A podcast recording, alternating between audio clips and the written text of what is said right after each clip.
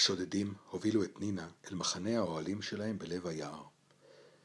באוהל המרכזי, שהיה גם הגדול מכולם, ישב גורץ.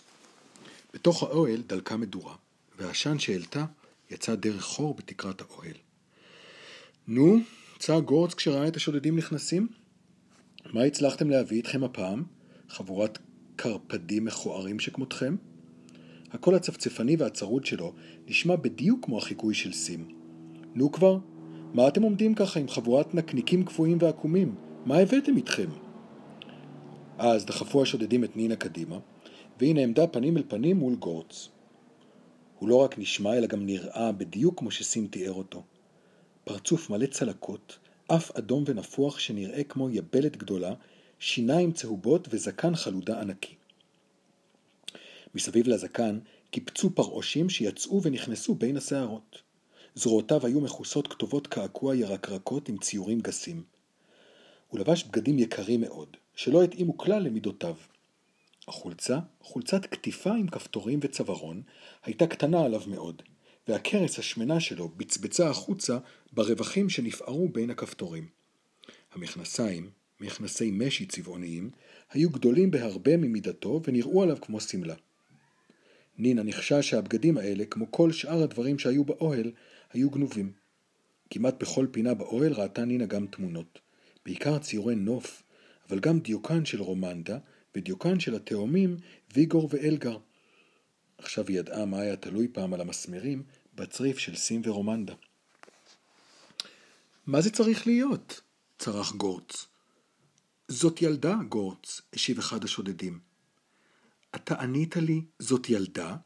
צרח גורץ לתוך האוזן של אוכי. אבל זאת באמת ילדה, גמגם אוכי רועד מפחד. באמת? צרח גורץ. ב... באמת? אמר אוכי. מה אתה אומר? חתיכת חילזון צולע עם מוח רקוב מלא תולעים שכמוך. אתה חושב שאני לא יכול לראות בעצמי שזאת ילדה? ששש, סליחה. אה, אה, אמר אוכי בקול נחנק. אני רואה שזאת ילדה, אמר גורץ. הפעם כבר בקול שקט מאוד. אבל אני ממש ממש לא מבין בשביל מה הבאתם אותה. ולפתע שוב צרח בקול נורא. חבורת זבובים מטופשים, מצחינים ומצורעים.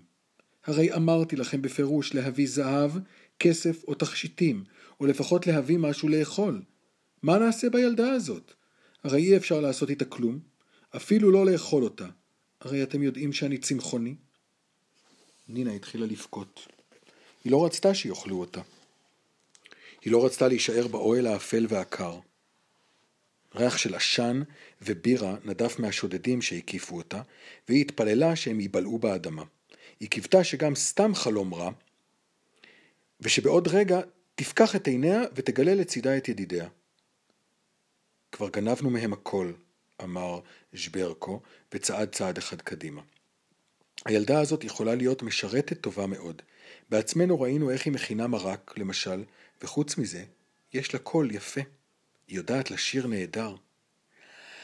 לשיר? גורץ כמעט יצא מדעתו. ולמה לדעתך אנחנו צריכים פה זמרת? אולי האוהל שלי נראה לך כמו אולם אופרה, אה?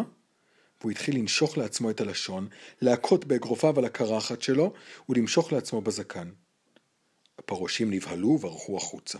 הם כבר ידעו שכאשר גורץ מתעצבן, עדיף להם להתרחק קצת ולחזור אחר כך. ז'ברקו דווקא לא התרגש מהצרחות של גורץ'. גם הוא הכיר אותו היטב, וידע שאסור להראות לו שמפחדים ממנו. כי אז הוא רק הופך יותר כועס ואכזרי. אם רק תקשיב לשרה, תבין. ז'ברקו ניגש לגורץ ולחש לו באוזן. אם אני לא טועה, בזמן האחרון יש לך קצת נדודי שינה. אולי כשהיא תשאיר לך תצליח להירדם יותר בקלות. אמר גורץ, זה דווקא נשמע מעניין. הוא הביט בנינה מקרוב, ונינה יכלה להריח ריח חריף של בצל ובירה נודף מפיו. נו טוב, בוא נשמע אותה שרה. ז'ברקו הסיר את המטפחת שחסמה את פיה של נינה. בינתיים התאספו באוהל כל השודדים האחרים שהיו במחנה כדי לברר מה פשר צעקותיו של גורץ. גורץ עצמו התיישב על כרית גדולה שהובאה בשבילו, ועכשיו שירי פקד גורץ על הילדה שעמדה מולו. נינה לא הצליחה לחשוב על שום שיר.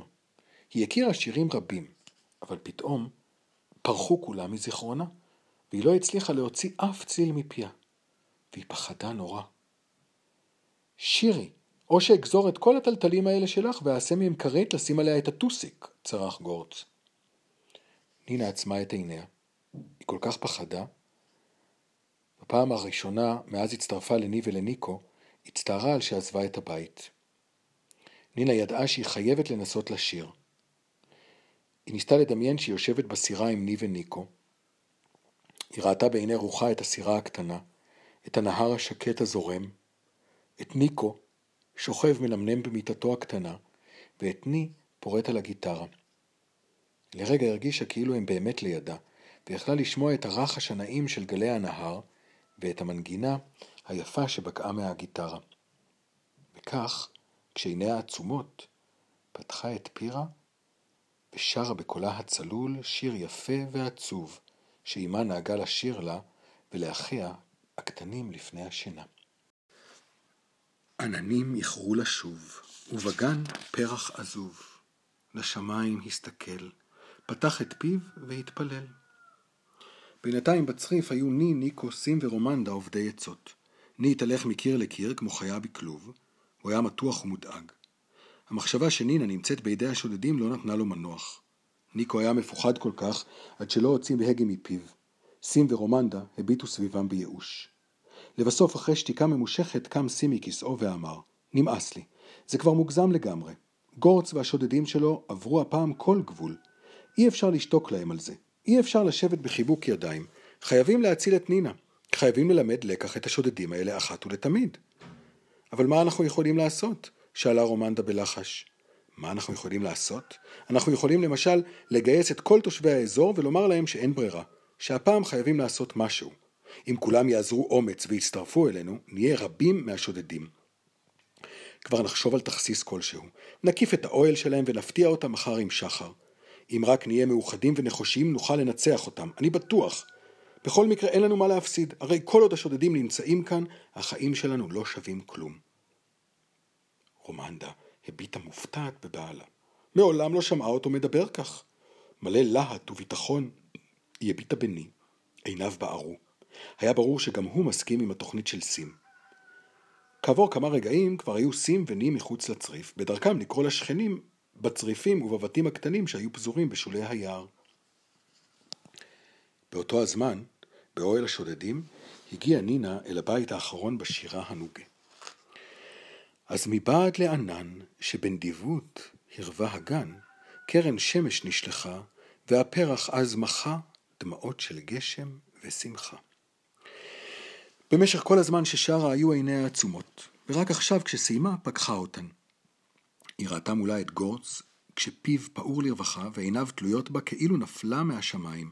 הוא נראה שונה מכפי שהיה לפני השיר.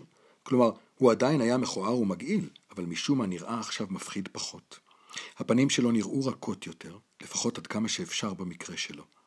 עוד שיר, טבע מיד ראש השודדים. קדימה. כן, קדימה, נשמע מכל עבר קולם של יתר השודדים. תשאירי עוד איזו מנגינונת נחמדה כזאת. לזה נינה ודאי לא ציפתה, אבל היא עצמה שוב את עיניה והחלה לשיר שיר נוסף. גם הוא שיר ארס שאימה שרה להם. השודדים האזינו בדממה. האימהות שלהם מעולם לא שרו להם שירי ארס. אט אט חדרה המנגינה הרכה אל ליבותיהם הקשוחים. נינה שרה ולא חשבה על דבר. היא הניחה לפחד לנשור מעליה, כמו מעיל צמר כבד שלא זקוקים לו עוד כאשר נעשה חם. לאחר שסיימה לשיר את השיר השני, פצחה מיד בשיר שלישי. היא אפילו לא חיכתה שהשודדים ידרשו זאת ממנה. היה מספיק לה לפקוח לרגע את עיניה ולראות את גורץ. עיניו היו עצומות למחצה. על שפתיו בצבץ מן חיוך, וגופו הגוץ היה מקורבל בתנוחה תינוקית על הכרית הגדולה שלו. כך בזה אחר זה, שרה נינה שיר ועוד שיר ועוד שיר, והשודדים, שרועים סביבה במעגל, האזינו כמהופנטים בלי להפריע ובלי לומר דבר. אף הגה לא נשמע. שום רחש לא הפריע לשירתה של נינה, שמילאה את כל חלל האוהל. נינה לא ספרה כמה שירים שרה באותו הלילה. היא הייתה עייפה כל כך, עד שכמעט שכחה היכן היא ומפני איזה קהל היא שרה. בעיניים עצומות הניעה את שפתיה כמו מתוך חלום, והניחה לכל המנגינות שהכירה לצוף ולצאת כמו מעצמן. ואז לפתע, אחרי ששרה אולי חמישים שירים, הגיע לאוזניה צליל עליז שבקע מחוץ לאוהל. היה זה ציוץ ראשון של ציפור. ציפור שבישרה על בוא הבוקר. נינה הפסיקה לשיר ופקחה את עיניה. האש במדורה שבערה בתחילת הלילה כבר דעכה. רק אור השחר שהסתנן מבעד ליריות האוהל האיר את פניהם של השודדים. כולם ישנו שרועים על הארץ. נינה הסתובבה בשקט במקומה, ופנתה בצעדים איטיים לעבר הפתח. בראבו, בראבו! לפתע נשמעה הצעקה. נינה הסתובבה וראתה את גורץ, ראש השודדים, עומד על רגליו ומוחא כפיים בהתרגשות. נשמע המהומה שהקים התעוררו בבהלה יתר השודדים. נינה החמיצה את ההזדמנות לברוח משם. נו, למה אתם מחכים, חבורת אפסים? צעק עליהם גורץ. כבר שמעתם פעם בחיים העלובים שלכם שירה כזאת יפה? שאתם מתעצלים ככה להזיז אצבע ולמחוא כפיים? אה? השודדים התחילו למחוא כפיים. קדימה קדימה האצבע עם גורץ, יותר חזק, יותר חזק. בראבו, בראבו, קראו השודדים המנומנמים ומחאו כפיים לפי הקצב שגורץ הכתיב להם. תודה, מלמלה נינה. זאת הייתה הפעם השנייה מאז עזבה את החווה שזכתה למחיאות כפיים. יש לך קול נהדר, ילדה, אמר גורץ. הלוואי שגם לאימא שלי היה כזה קול, והיא הייתה שרה לי שירים כשהייתי קטן. אבל היא ידעה רק לצרוח ולזרוק מחבטות וסירים על הראש. נינה לא הצליחה להבחין אם גורץ מתכוון באמת להיות נחמד אליה, או שהוא רק משחק בה. תדעי לך שאני אולי שודד, גורץ המשיך, אבל שודד עם כבוד. כשמשהו מוצא חן בעיניי, אני יודע גם לתת בחזרה. עכשיו, תורך לבקש משהו, ואני מבטיח לקיים מילה של שודד עם יד על הכבד. הוא הניח את ידו על צד הבטן לאות שבועה. נינה עדיין לא האמינה שהוא מתכוון ברצינות לדבריו. האם הוא באמת מציע לה להביע משאלה? אחי הייתי רוצה, לחשה לבסוף בקול צרוד מרוב שירה, אחי הייתי רוצה שתיתנו לי לחזור לחברים שלי. זה הכל. מה הבעיה? את יכולה ללכת מכאן, אמר גורץ. מתי שאת רק רוצה. מי חשב בכלל להשאיר אותך פה? מה, אני צריך כאן באוהל תינוקת שצריך להחליף לה חיתולים כל היום? גם ככה מסריח פה. אז זהו. את לא רוצה איזה משהו, מתנה, שעון שבור, תפוחים רקובים שגנבנו שלשום במטה? אולי גלגל חלוט של מכונת תפירה? לא, לא צריך, אמרה נינה. אבל אם אתה כבר שואל, הייתי מבקשת שתעזבו את היער הזה ותלכו לחפש לכם מקום אחר. ממילא כבר שדדתם פה כמעט כל מה שאפשר. גור סיכם את פניו. הוא לא ציפה לבקשה כזאת, ולרגע היא נראתה לו מוגזמת.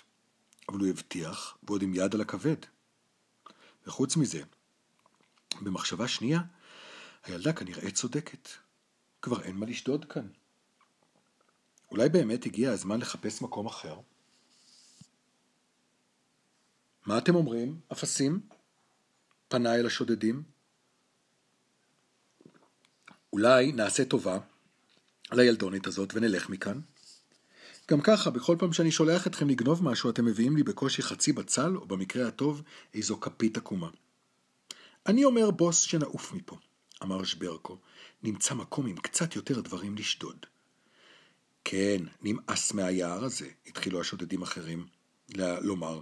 בואו נסתלק מכאן, ושהילדה תחזור לקוף שלה. בסדר, בסדר, נהם גורץ, כחכך בגרונו וירק על הרצפה. הוא התקרב אל נינה והגיש לה את כף ידו המיובלת.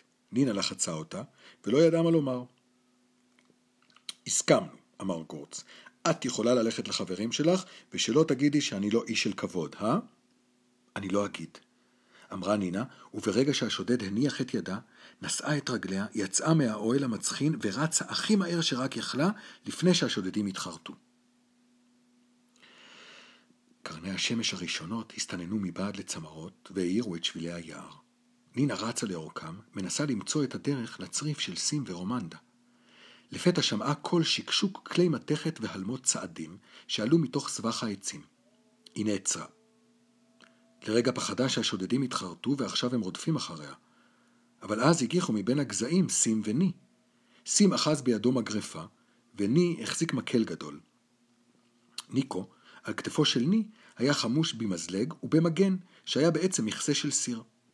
בעקבותיהם התגלתה שיירה שלמה של תושבי האזור, שהתגייסו כדי לגרש את השודדים. בידיהם אחזו מעדרים, קלשונים, מטטים, נשק מאולתר מכל הבא ליד. ני, ניקו! קראה נינה ורצה לעברם. נינה! צווח ניקו, ומרוב התרגשות נשמטו מידיו כלי הנשק. נינה קפצה לתוך זרועותיו של ני, שנפרסו לקראתה וחיבקו אותה בחום. את בסדר? שאל סים. אני עייפה כל כך, ענתה נינה. לא ישנתי כל הלילה. מה קרה? איך הצלחת לברוח? מה עשית כל הלילה בידי השודדים? שרתי להם שירים, אמרה נינה. שרת להם? בינתיים התכווצו ובאו כל יתר התושבים. נינה סיפרה להם הכל, מהרגע שהתעוררה בבהלה וגילתה שנושאים אותה אל תוך היער האפל, ועד לרגע שבו לחץ גורץ את ידה והבטיח לה לעזוב את היער וללכת עם השודדים שלו למקום אחר. אבל עכשיו, אמרה כשסיימה לספר, אני עייפה כל כך שאני כמעט נרדמת פה תוך כדי דיבור. מי הרים אותה בזרועותיו. השיירה כולה הסתובבה במקומה והחלה לצעוד בחזרה אל הבתים. עד שהגיעו לצריף שעל שפת הנהר, נינה כבר ישנה שינה עמוקה. השמחה הייתה גדולה. מכל האזור התאספו אנשים והגיעו אל הצריף של סים ורומנדה לחגוג את השחרור מהשודדים. גם הילדים באו. בפעם הראשונה זה זמן רב יכלו הילדים לצאת החוצה בלי לפחד. כאשר נינה התעוררה, כבר ירד הערב. השמש השוקעת צבעה את היער בגוונים הדמדמים. ומי הנהר זהרו ונצנצו.